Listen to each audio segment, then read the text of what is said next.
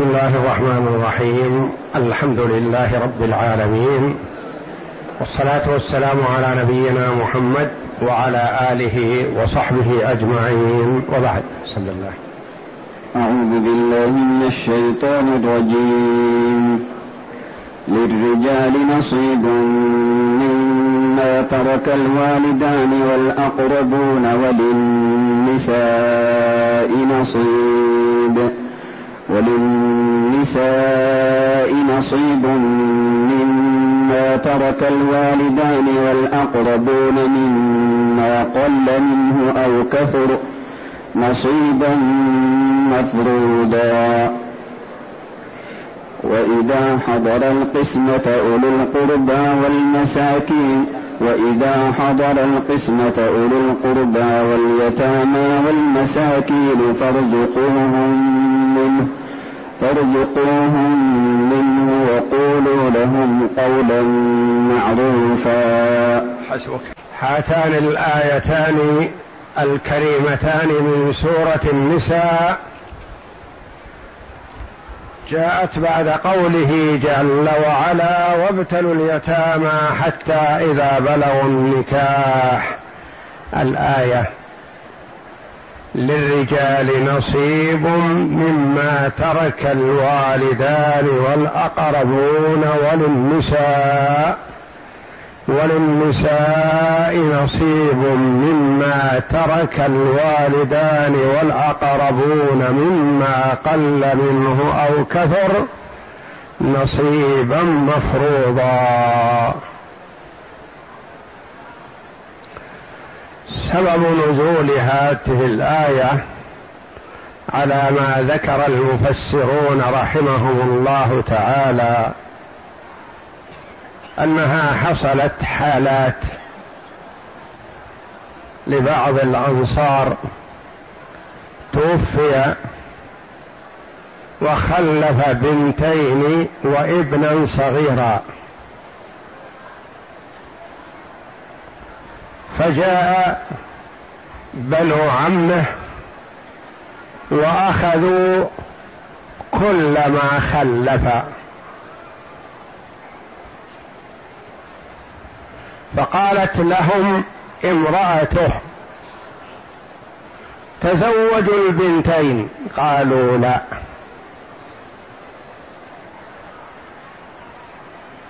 وأخذوا المال على طريقة الجاهلية قبل أن ينزل التشريع الإسلامي في الميراث.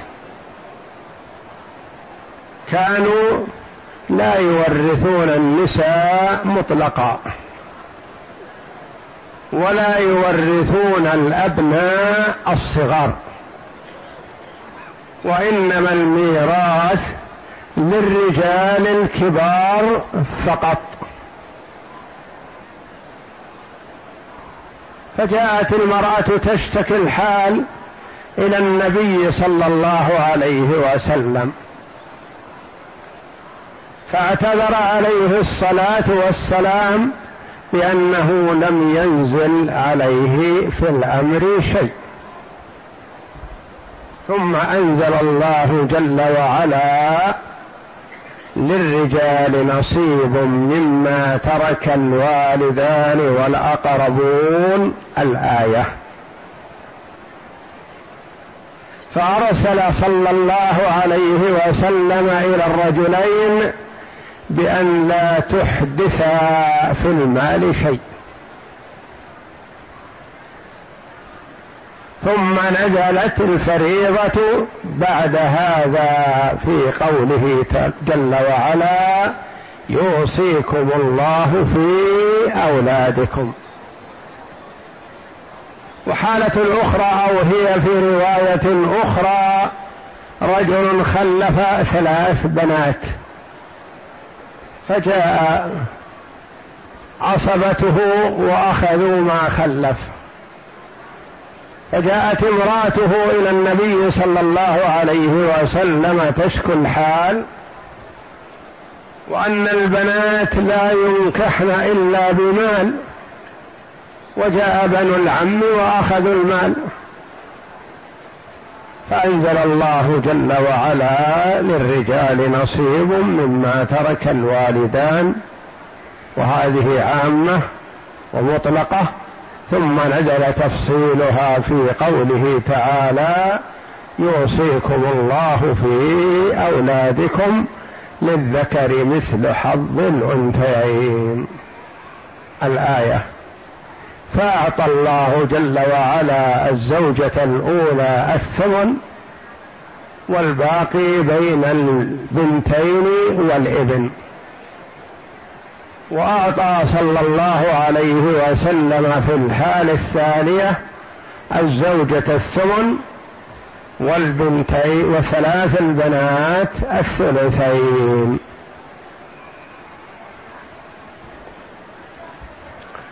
وكانت طريقة الجاهلية أنهم لا يورثون يقولون إلا من يحمل السلاح ويقاتل ويدافع فقال الله جل وعلا للرجال نصيب. ويراد بالرجال هنا الذكور صغارا كانوا أو كبارا. إما ترك الوالدان والأقربون. إما ترك الوالدان والأقربون حسب الميراث. وللنساء الإناث صغارا كن أو كبارا. نصيب مما ترك الوالدان والأقربون. مما قل منه أو كثر. القليل والكثير. ما يختص بالرجال للنساء نصيب منه. وما يختص بالنساء للرجال نصيب منه. فالرجال والنساء الورثة يشتركون فيما خلف الميت مما قل منه أو كثر نصيبا مفروضا. حتى لا يتوهم أن السلاح خاص بالرجال وأن الرجل إذا خلف ذهبا فإنه يختص به النساء لا. وإنما يشترك الجميع فيما خلفه الميت قليلا كان أو كثيرا من خصائص الرجال أو من خصائص النساء. مما قل منه أو كثر نصيبا مفروضا. فرضه الله جل وعلا فهو لازم ولا مجال للاجتهاد فيه ولا للرد فيه ولا لاستثناء شيء دون شيء. والمفروض هو المؤكد الذي لا محيص عنه.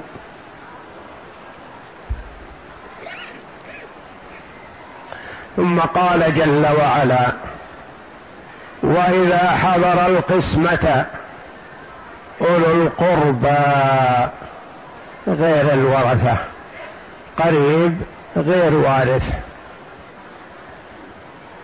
واليتامى اليتيم واليتيم من بني آدم هو من فقد أباه. واليتيم من الحيوانات من فقد أمه.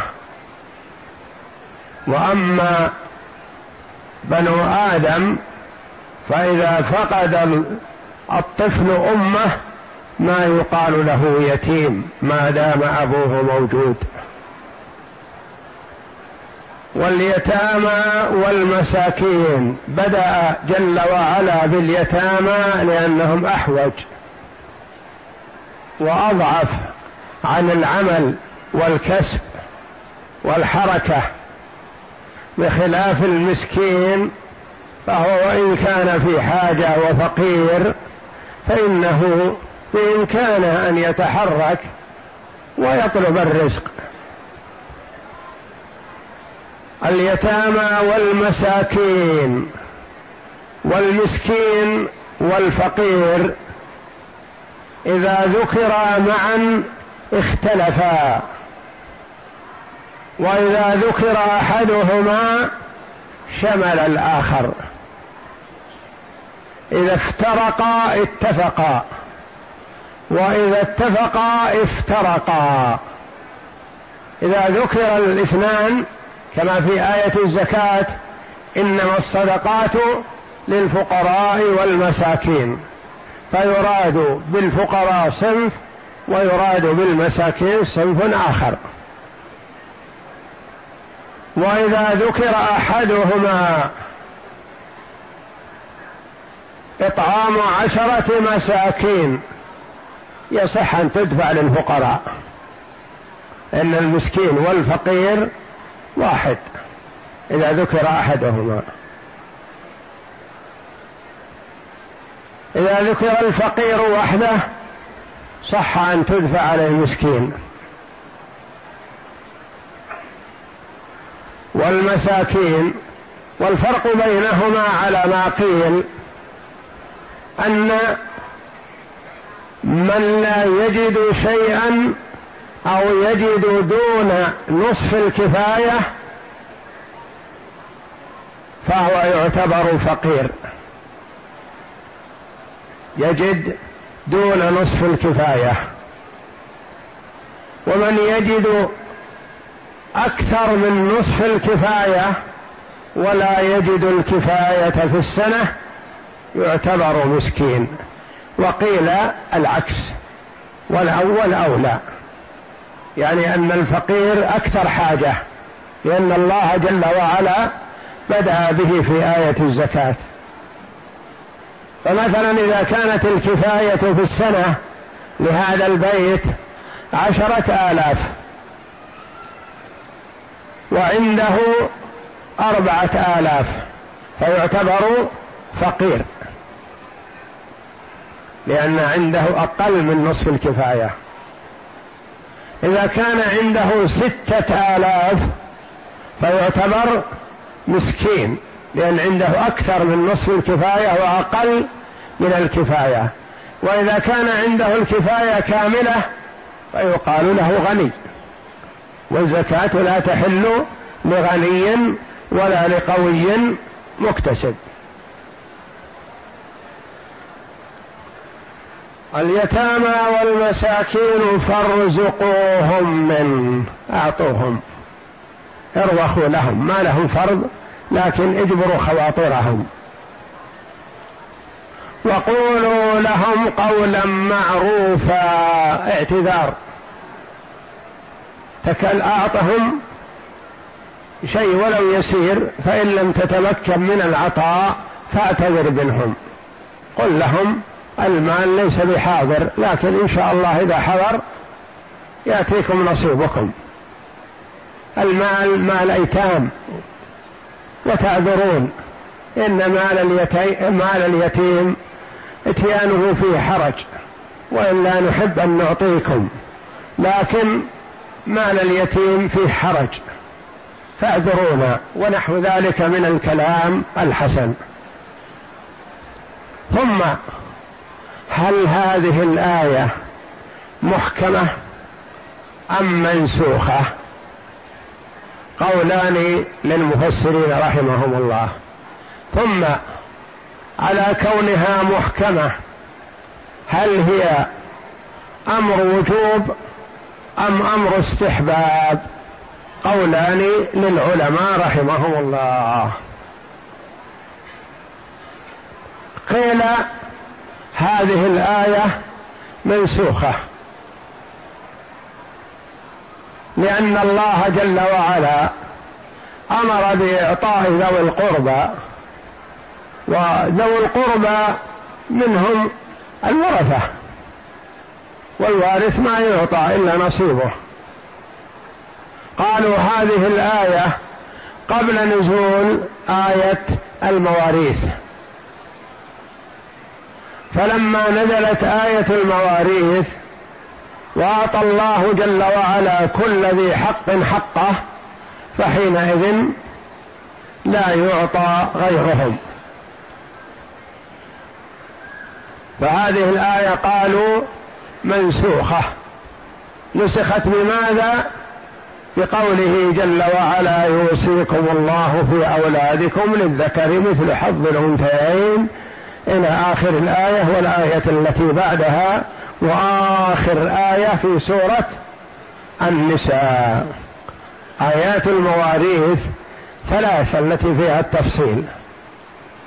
يوصيكم الله في أولادكم والآية التي تليها ولكم نصف ما ترك أزواجكم. وآخر آية من سورة النساء. يستفتونك قل الله يفتيكم في الكلالة إن امرؤ هلك ليس له ولد وله أخت فلها نصف ما ترك وهو يريثها إن لم يكن لها ولد. قالوا هذه الآية كانت في صدر الإسلام قبل أن تنزل آيات المواريث ثم نسخت بآية المواريث. آخرون قالوا لا. ليست منسوخة. وأي آية في كتاب الله ممكن إعمالها ما يتأتى أن يقال إنها منسوخة. وهذه الآية ممكن. يوصي وإذا حضر القسمة أولو القربى واليتامى والمساكين الآية فارزقوهم منه. قالوا ليست منسوخة. بل هي محكمة. والمراد بذوي القربى الأب والأم والأخ والأخت؟ لا. المراد بذوي القربى غير الوارثين. غير الوارثين. إذا حضر مثلا أخت لا ترث فتعطى شيء ولو يسير. حضر ابن ابن محجوب يعطى ولو شيء يسير. حضر ابن بنت حضر عم خال أقارب ليسوا من ذوي الميراث. يعطون ولو شيئا يسيرا فهم من ذوي القربى. ثم اليتامى اليتيم إذا جاء وهم يقتسمون تركة. ويقتسمون أموال. هذا يأخذ خمسة عشر ألف وهذا ثلاثين ألف وهذا كذا وهذا كذا. وهو واقف عندهم يعطى ولو شيء يسير تطيبا لخاطره. لأنه تعلقت نفسه بهذا المال يشوف يقسم. هذا يعطى كذا وذا يعطى كذا وهو محروم. فيعطى ولو شيء يسير. وكذلك المسكين. وفي هذا دلالة على استحباب إظهار الشيء وعدم إخفائه لأن جحد الشيء قد يكون من باب جحد نعمة الله. والله جل وعلا مقت وعاقب أهل الجنة الذين تعاهدوا على أن يصرموها في الصباح الباكر قبل أن يحضر عندهم المساكين. فحضور المساكين فيه خير. واعطاؤهم من التركة أو من المال أو من الجذاذ أو من البستان أو من الحبوب أو من الثمرة. فالله جل وعلا جعل لكل إنسان نصيب في هذه النعمة. حتى الطير حتى الطير جعل الله له نصيب في الثمرة. فما يسوء أن يحرم من حقه.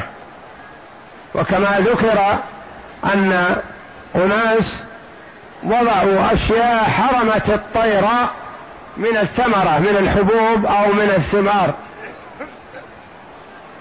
فما صحت ثمارهم بل تلف كثير منها. ولعل هذا والله أعلم بسبب حرمان من جعل الله له حق من حيوان أو طائر أو فقير أو مسكين أو يتيم أو جار أو غيره. ولذا قال وإذا حضر يعني يحسن أنهم يحضرون. ما يحسن أن يخفى عليهم. فما تغلق الأبواب عند القسمة وما يتواعد الناس على الجذاذ أو الحصاد في الصباح الباكر قبل أن يأتي إليهم المساكين. فأولئك أصحاب الجنة كما قص الله جل وعلا عنهم أن مورثهم أن أباهم كان يحصد الثمار ويجني الثمار ويحصد الحبوب في الضحى حينما يتجمع الفقراء والمساكين. كلهم يحضرون وكل يعطى وكل يذهب يلهث بالدعاء ويدعو لصاحب البستان أنه استفاد. فلما ورثه بنوه وكانوا قد انتقدوا على أبيهم تصرفه وأنه جعل للفقراء والمساكين والآخرين نصيبا في ماله انتقدوه في هذا وتحيلوا على أن يتخلصوا من هؤلاء ولا يستطيعون أن يتخلصوا لو حصدوا وجمنوا ضحى على عادة أبيهم. سيأتيهم الفقراء والمساكين لكنهم تواطؤوا على أن يحصدوا مبكرين قبل أن يأتيهم الفقراء والمساكين وغدوا مبكرين في الليل وعاقبهم الله جل وعلا بتلف جنتهم كلها حتى إنهم توهموا أنهم ضلوا الطريق لما وسجدوها وقد احترقت وذهب ما فيها. ومر علينا قريبا صاحب البستان والزرع والرجل الذي كان في فلاة من الأرض فسمع في صوت في السحاب صوتا يقول أسق حديقة فلان وهذا في الصحيح خبر النبي صلى الله عليه وسلم. يقول فتجمع السحاب وأنزل ماءه في حرة وإذا شرجة من هذه الشراج متعددة كثيرة استوعبت هذا الماء كله ذهب مع هذه. فتعجب هذا الرجل وتتبع هذا الماء. وين راح؟ بدل ما في شراج مثلا عشر أو خمسة عشر تتوازع الماء إذا واحدة فقط استوعبت الماء. فتتبع هذا الماء فوجده وجد رجلا في بستانه معه مسحاته يوجه الماء يمين وشمال. وحده دون غيره ما سقي أحد غيره. فجاء وسلم عليه وسأله قال ما اسمك يا عبد الله؟ قال اسمي فلان. للصوت للاسم الذي سمع في السحاب. فأخبره باسمه. فقال يا أخي لما سألتني عن اسمي؟ قال إني سمعت صوتا في السحاب الذي هذا ماؤه. يقول أسق حديقة فلان. وإذا الماء السحاب ينزل ماءه في حرة وإذا هذه الشرجة المتجهة إليك تستوعب الماء كله. فماذا تصنع يا أخي أنت في حديقتك وثمارها؟ قال أما ما دام كما قلت يعني أنك اطلعت على سر كنت ربما يقول في لسان حاله كنت أخفيه يخفيه عن الآخرين لأنه يقصد وجه الله. لكن ما دام أنك أتيتني بشيء يدل على أنك اطلعت على شيء ما. أما ما دام كذا فأنا أنظر إلى ما يخرج منها. فأقسمها أثلاثا. آكل أنا وعيالي ثلث وأتصدق بثلث وأرد فيها ثلث لإصلاحها وتنميتها.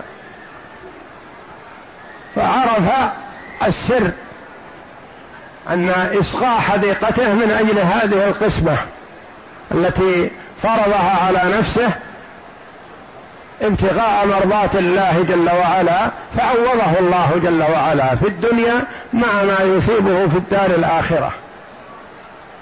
وهذه من أخبار من قبلنا يقصها علينا المصطفى صلى الله عليه وسلم لنتعظ بها. فالله جل وعلا يقول في هذه الآية وإذا حضر القسمة اولو القربى الذين لا يرثون واليتامى والمساكين فارزقوهم منه وقولوا لهم قولا معروفا. وهذا قول كثير من العلماء رحمهم الله انها ليست منسوخة وانما هي محكمة. ثم الذين قالوا هي محكمة هل الامر هذا للوجوب أو للاستحباب؟ قولان للعلماء رحمهم الله. بعض العلماء يرى انها للوجوب ولذا يفعلون هذا حتى مع مال اليتامى نقل عن بعض السلف رحمه الله أنه كان ولي على أيتام توفي أبوهم. فعند استلام التركة أمر بشراء شاة وطعام وهيئ وقدم للفقراء والمساكين وذوي القربى. وقال لوددت أن هذا من مالي يعني من عندي أنا لولا ما جاء عن الله جل وعلا وإذا حضر القسمة أولو القربى واليتامى والمساكين. فكان يرى الوجوب ويرى أنها واجبة في هذا المال ولا يسوغ له أن يتبرع بهذا من عنده. ومن العلماء رحمهم الله من يقول هي للاستحباب وليست للوجوب فإذا كان الورثة كبارا فيعطون من له حق في هذا المال حق استحباب يعطونه يرضونه وإذا كان المال مال أيتام فينتقل إلى الفقرة التالية. وقولوا لهم قولا معروفا مال اليتيم ما تتعرض له. وإنما إذا جاء الفقراء والمساكين أو حضروا تقول لو أن المال مالي أعطيتكم لكن هذا مال فقراء مال أيتام مال صغار. تعتذر منهم عذرا يقبلونه. فارزقوهم منه وقولوا لهم قولا معروفا. هل يجمع بين الرزق والقول المعروف؟ أو أن الرزق إذا كان مال كبار والقول المعروف إذا كان مال صغار. قولان للعلماء رحمهم الله. اقرأ.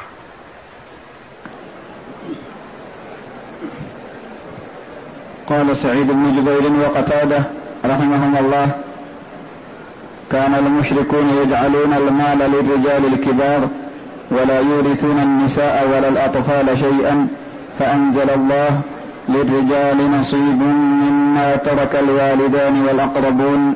الآية أي الجميع فيه سواء في حكم الله تعالى يستوون في أصل الوراثة وإن تفاوتوا بحسب ما فرض الله لكل منهم مما يدلي به إلى الميت من قرابة.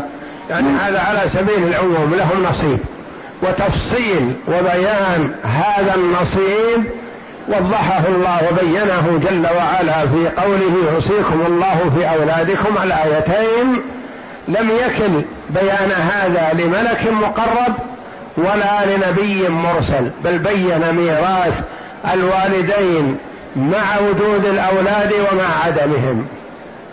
وبين نصيب الوالدين حال فقد الأولاد وبين نصيب الوالدة مع الأولاد ومع الإخوة.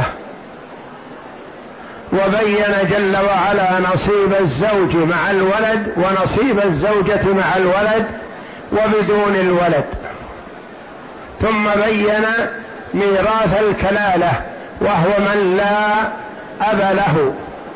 وهم الأخوة لأم هم الكلالة الذين لا يرثون مع الولد ولا مع الآباء. الإخوة لأم لا يرثون ذكورا أو إناثا ولا يرثون مع الآباء. نعم. أي الجميع فيه سواء في حكم الله تعالى يستوون في أصل الوراثة وإن تفاوتوا بحسب ما فرض الله لكل منهم بما يدلي به إلى الميت من قرابة أو زوجية أو ولاء فإنه لحمة كلحمة النسب. وروى ابن مردوي عن جابر رضي الله عنه قال أتت أم كحة إلى رسول الله صلى الله عليه وسلم فقالت يا رسول الله إن الابنتين قد مات أبوهما وليس لهما شيء فأنزل الله تعالى للرجال نصيب مما ترك الوالدان والأقربون الآية. وقوله وإذا حضر القسمة الآية قيل المراد وإذا حضر قسمة الميراث ذوو القربى ممن ليس بوارث واليتامى والمساكين فليرضخ لهم من التركة نصيب. وإن ذلك كان واجبا في ابتداء الإسلام وقيل يستحب. واختلفوا هل هو منسوخ أم لا على قولين. فقال البخاري رحمه الله عن ابن عباس رضي الله عنهما هي محكمة وليست بمنسوخة. وقال عكرمة رحمه الله عن ابن عباس رضي الله عنهما في هذه الآية وإذا حضر القسمة أولو القربى نسختها الآية التي بعدها يوصيكم الله في أولادكم. وروى العوفي عن ابن عباس رضي الله عنهما كان ذلك قبل أن تنزل الفرائض فأنزل الله بعد ذلك الفرائض فأعطى كل ذي حق حقه فجعلت الصدقة فيما سمى المتوفى.